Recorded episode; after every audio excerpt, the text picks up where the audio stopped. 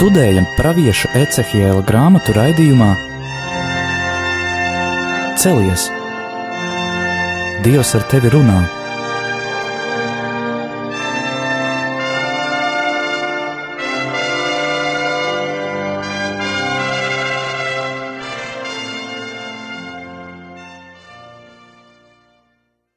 Slavēts Jēzus Kristus! mūžīgi mūžos slavēts. Studijā pēc vasaras pārtraukuma atkal ir Stela un Anģela. Un turpināsim lasīt Ecehela grāmatu, ko pētījām jau pagājušā gadā. Bet arī pat ja veltīsim tam kādu laikam sanāks, tāds kā pusotrs tas mācību gads, Tomēr tā būs tikai mazā, mazā daļa no tā, ko šī grāmata var atklāt.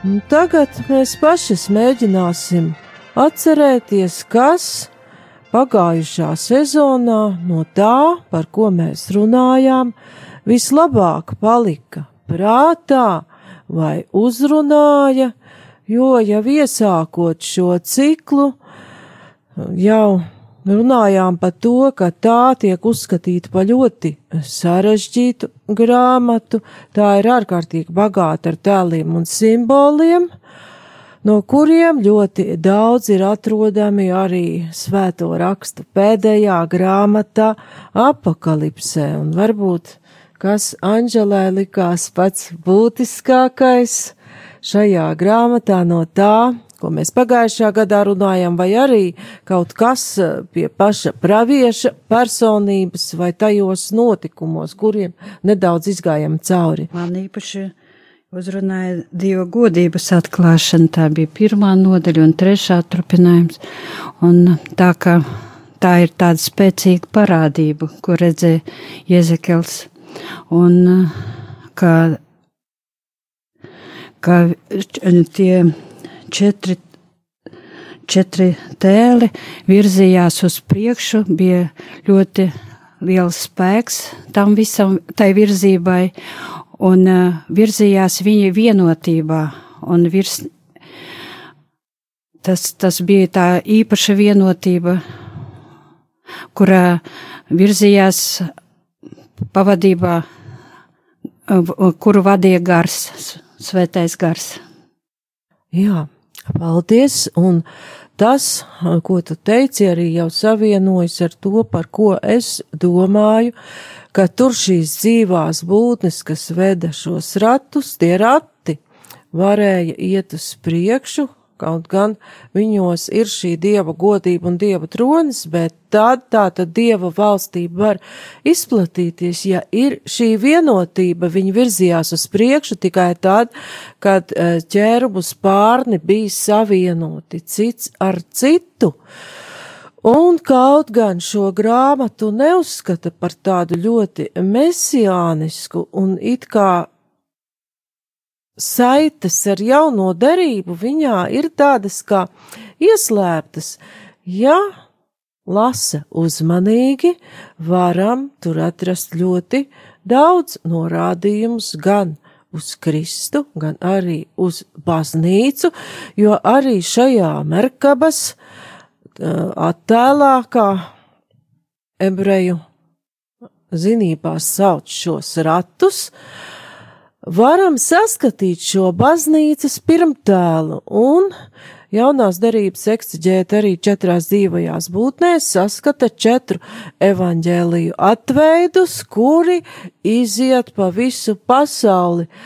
Un no dažādiem notikumiem baznīcas vēsturē arī tā, kas notiek tagad, ko mēs redzam, kas ļoti kavē evaņģēlija vēsts izplatīšanos, ja šajā baznīcā, šajos ratos nav vienotība, ja dzīvās būtnes, pie kurām piederam arī plašākā skaidrojumā arī mēs, ja tās sāk cīnīties savā starpā, tad vēsts neizplatās, un pat šī dieva godība var sākt iet prom no tempļa.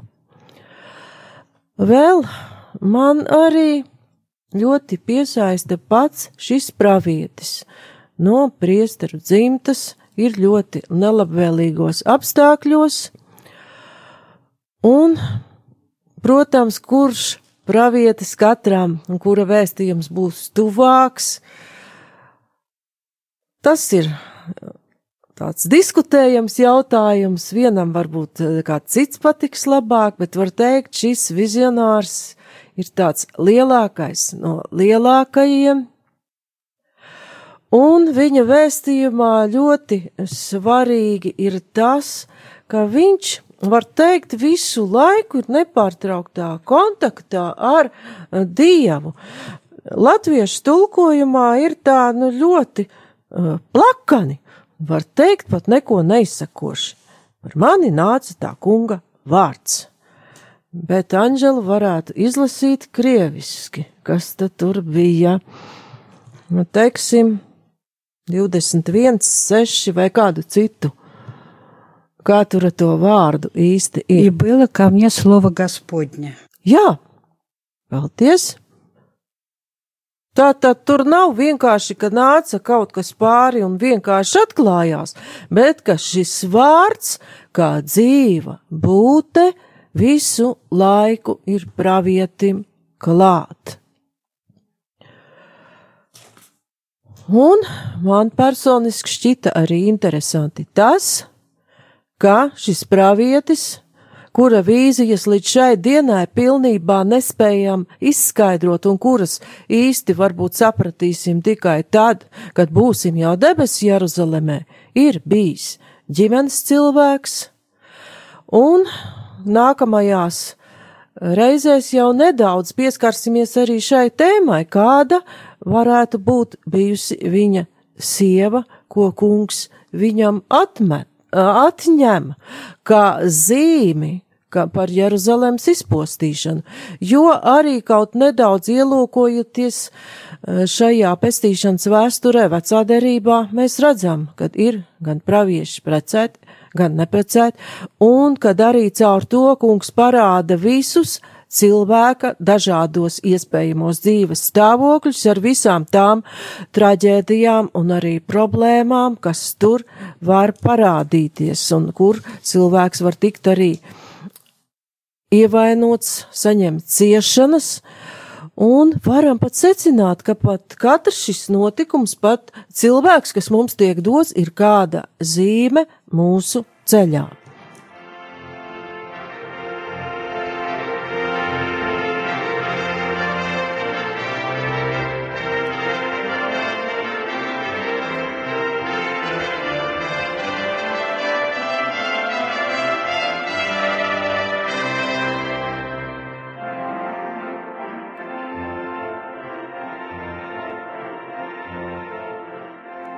Un ļoti interesanti arī, ka uh, Iezehelam bija piedāvāts apēst Dievu vārdu.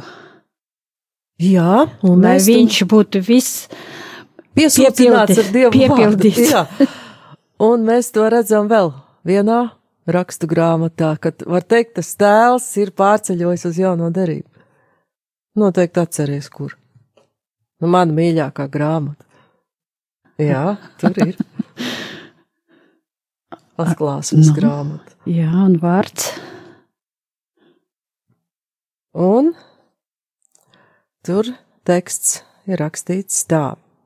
Atklāsmes grāmata, desmitā nodaļa un devītais pants.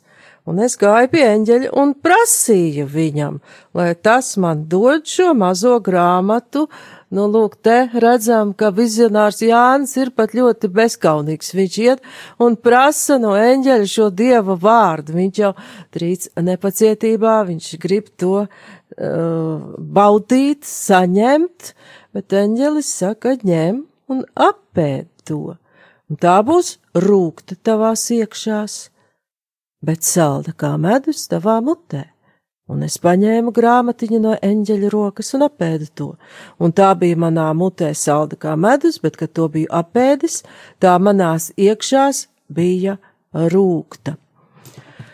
Kā ļoti sasaucās ar Ecihiela grāmatu un šis jaunās derības vārds it kā paskaidro šo dieva vārda darbību ar cilvēku, jo uzreiz šeit lasot, analizējot, un tas ir aizraujoši. Šis vārds ir valdzinošs, pievilcīgs, arī salds, bet vēlāk, kad no tā apēšanas sākas jau sagremošana, kurai vajadzēs īstenoties mūsu darbos, tas dažkārt kļūst ne tikai rūkts, bet ļoti rūkts, jo Dieva vārds ir prasīgs, un šīs prasības nevienmēr ir viegli izpildāmas, jo kā mēs jau redzējām, ka Dievs, šis vārds, kas viņām, nu, burtiski eh, dzīvo klāt, lika viņam darīt dažādas it kā absurdas zīmes un darbības, tur ēst uz mēsliem ceptus plāceņus, tur gulēt uz vieniem sāniem, otriem sāniem. Lasot tālāk, mēs atkal redzēsim, ka liek uh, kungs darīt dažādas zīmes, un tas viss ir tikai ar vienu mērķi, lai piedabūtu izradzēto tautu, jaunās darības laikā jau visas pasaules tautas atgriezties pie kunga un atgriezties pie viņa likuma. Kā tagad mēs nedaudz paskatījāmies atpakaļ, kas mums katrai likās svarīgs, un bija daudz kas arī kopīgi, ko saskatījām, un turpmāk jau pievērsīsimies 21. nodaļai.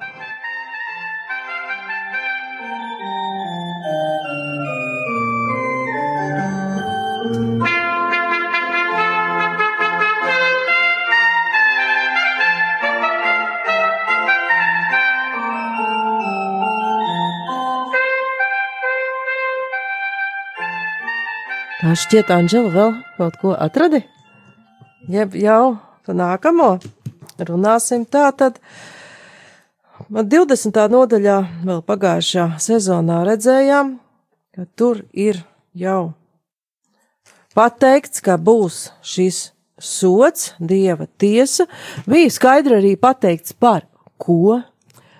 Tā ir šī algdievība un virzīšanās prom no kunga paša un viņa likuma, kas viņa acīs ir negantība, šie elku dievi, un ka sots nav vienkārši kā sots, bet viņš ir kā tiesa, kurai seko, jo mēs redzam, ka svētajos rakstos pēc tās tiesas vienmēr kaut kas seko ka tur tajā cietumā un sodā tomēr šie cilvēki netiek iznīcināti. Seko atjaunošana.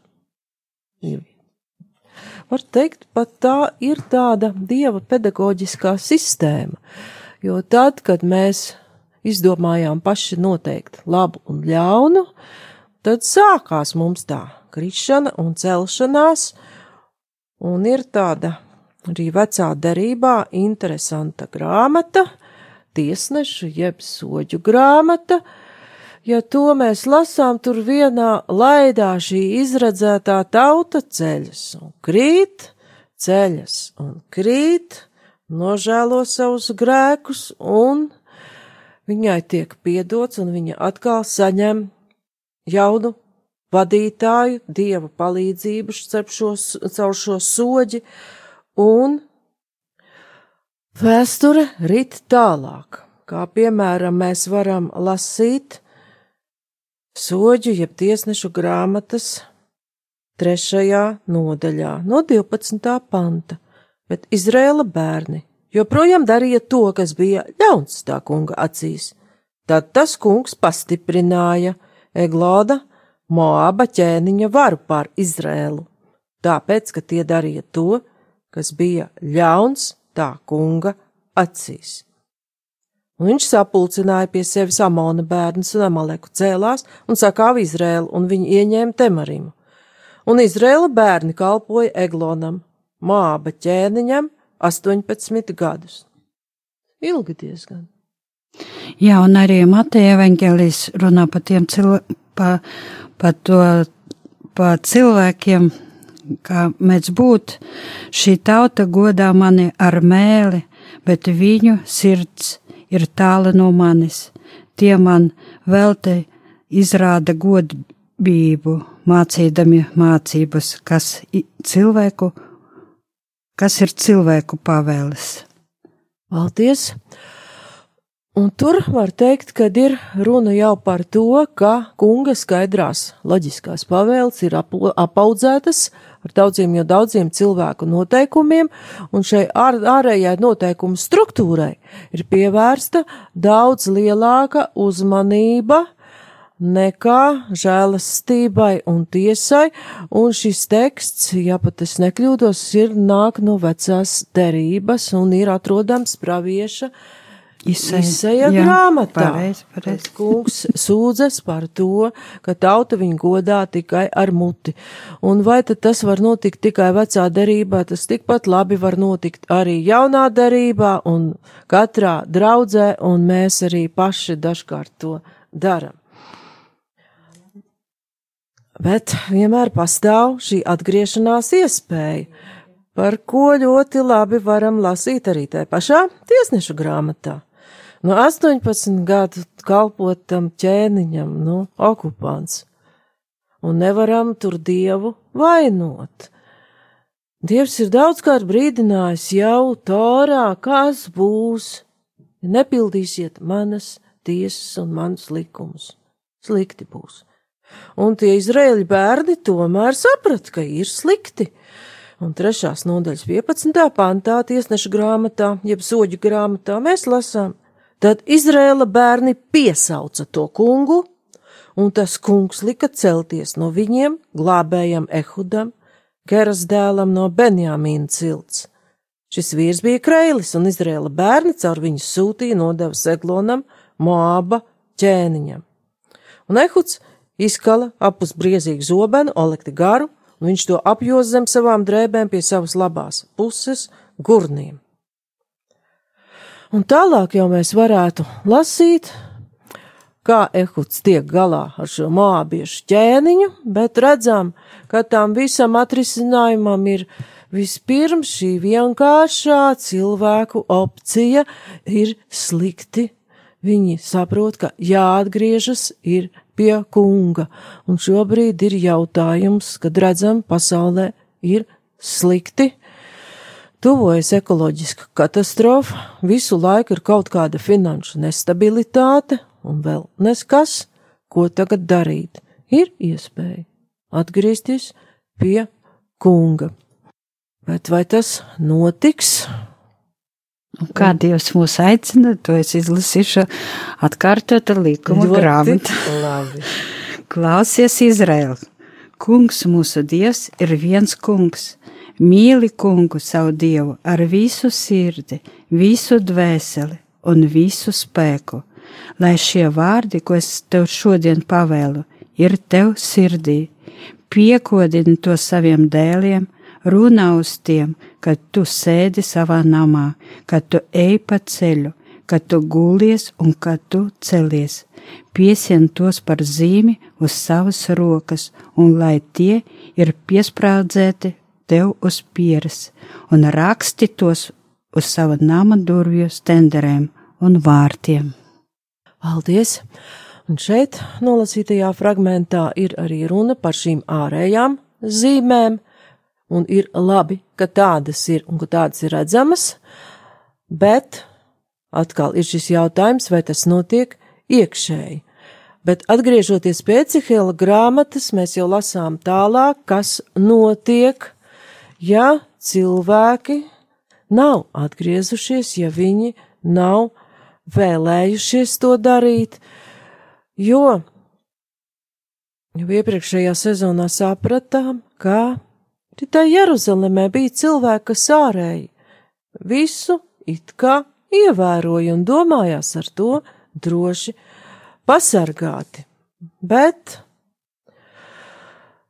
Ja 20. nodaļa izteica šos brīdinājumus par ko, kas un kāpēc, Un tomēr ir vārds par Izraēlu atjaunošanu, no kā mēs saprotam, ka tas, par ko mēs lasīsim turpmāk, tiek pieļauts ar nolūku, lai šis Izraels tiktu atjaunots. Un pat no šīs 21. nodaļas jau sapratīsim, ka tur var saprast jau, ka tas tiks atjaunots daudz pilnīgākā veidā caur vārda iemiesošanos, Kristus ienākšanu pasaulē. Un 21. nodaļa, iesāksim tomēr to šodien lasīt, sākas ar tādu vārdu, ka jāsludina kaut kādam mežam, kas dienvidu klajumā. Un var minēt, ka krievu tulkojumā fragments par to mežu nav atrodams. Bet tā kā latviešu tulkojumā viņš ir un ļoti labi ievada tajā uh, tēmā, kas būs turpmāk, tomēr paskatīsimies uz to un mēģināsim saprast. Atkal Ecihēlam ir klāt kunga vārds Griez savu vajag pret dienvidiem, nostājies pret pusdienas pusi un sludini pret to mežu, kas dienvidu klājumos, un saki mežam dienvidos, klausies tā kunga vārdu. Tā saka Dievs tas kungs, es iededzināšu uguni tevī, un tā aprīs visus tavus zaļos un visus sausos kokus. Lokanās liesmu mēlis neapdzisīs, un visiem cilvēkiem no dienvidiem līdz ziemeļiem būs jāsadeg. Tad visa miesa atzīs, ka es, tas kungs, iededzināju uguni, kas deg un nav nodzēšama, un es atbildēju: Ak, kungs, tie saka par mani, vai šis vienmēr neteic mums mīklainas runas? Tad atkal, it kā Ecihēls jau jūt, ka par viņa runu būs daudz jautājumu, kas tas par mežu un kas tas par uguni. Tālāk jau mēs varam saprast nodaļas tekstā, kad seko vēstījums par zobenu, kas ir ass un spoži iztrīts, ka tas to mežu arī iznīcinās, gan zaļus kokus, gan nokaltušus, dažne dažādus, un devītais pants jau pat paskaidro, kas ar to mežu ir domāts tāpēc, ka es gribu iznīcināt tevī taisnos un netaisnos. Man zobens nāks ārā no savas maksas un vēstīs, vērsīsies pret visiem cilvēkiem no dienvidiem līdz ziemeļiem. Un tur tas mežs arī dienvidi līdz ziemeļi, tā tad ir runa par šo tautu, kas saņems atmaksu par saviem darbiem. Un redzam, ka tas kas nāk pār tautu, tomēr ķer arī tos, kas ir taisnīgi. Un uz jautājumu, kāpēc cieši arī taisnīgais, mēs jau varam atbildēt tikai caur jaunās derības gaismu. Tikai tad mēs varam saprast, kāpēc tas tiek pieļauts. Tā tad mežs ir šī cilvēku kopa, šī tauta, Un Dievs tas kungs saka, es iededzināšu uguni tevī, tā aprīs visus tavus zaļos un sausos kokus. Un var saprast, ka tā uguns atrodas tai mežā iekšā, ka viņa nenāk no āra. Zināma mulsuma varbūt rada tas, ka pats Dievs šo uguni iededzina Jo ko mēs dažkārt ar tādu uguni cilvēku starpā varam saprast, jo te iznāk, kad ir atļauts darboties postošai ugunī. Un Jēkaba vēstulē tre, trešajā nodaļā mēs kaut ko pat varam lasīt par uguni un cilvēkiem.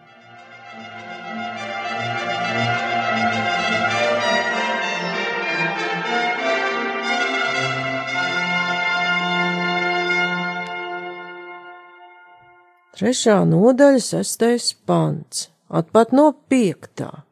Tāpat arī mēle ir mazs loceklis un veids lielas lietas.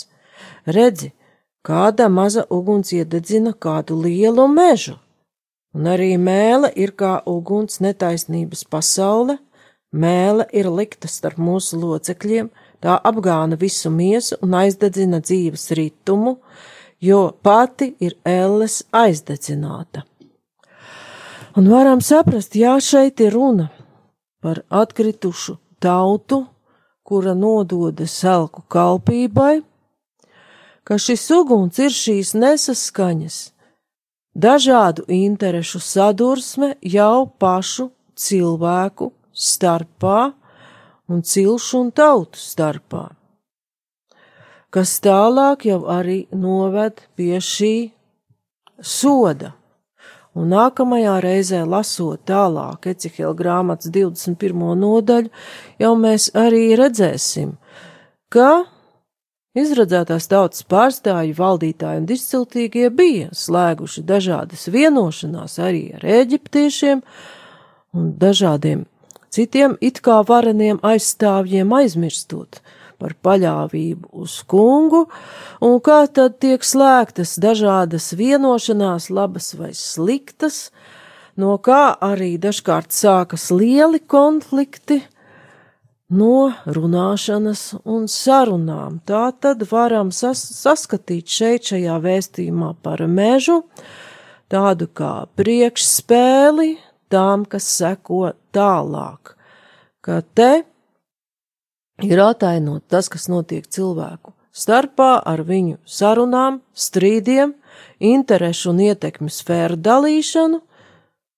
ka tiek pievērsta uzmanība ļoti daudz kam, izņemot kungam un viņa likumiem, kas noved pie tā, ka nāk šis Bābels ķēniņš ar zobenu, un jau nākamā reize redzēsim arī, kā Viņš it kā pagāniskā veidā zīlēš un izlemj, uz kuru pusi doties, un redzēsim, ka pat šajā procesā klāt ir paša mūžīgā dieva roka. Un par to jau runāsim nākamajā reizē. Studijā bija Stela un Anģela. Paldies par uzmanību!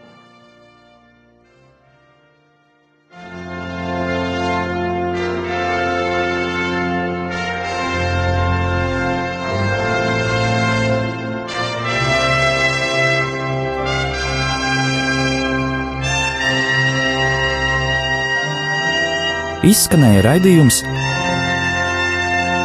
Celies! Dievs ar tevi runā!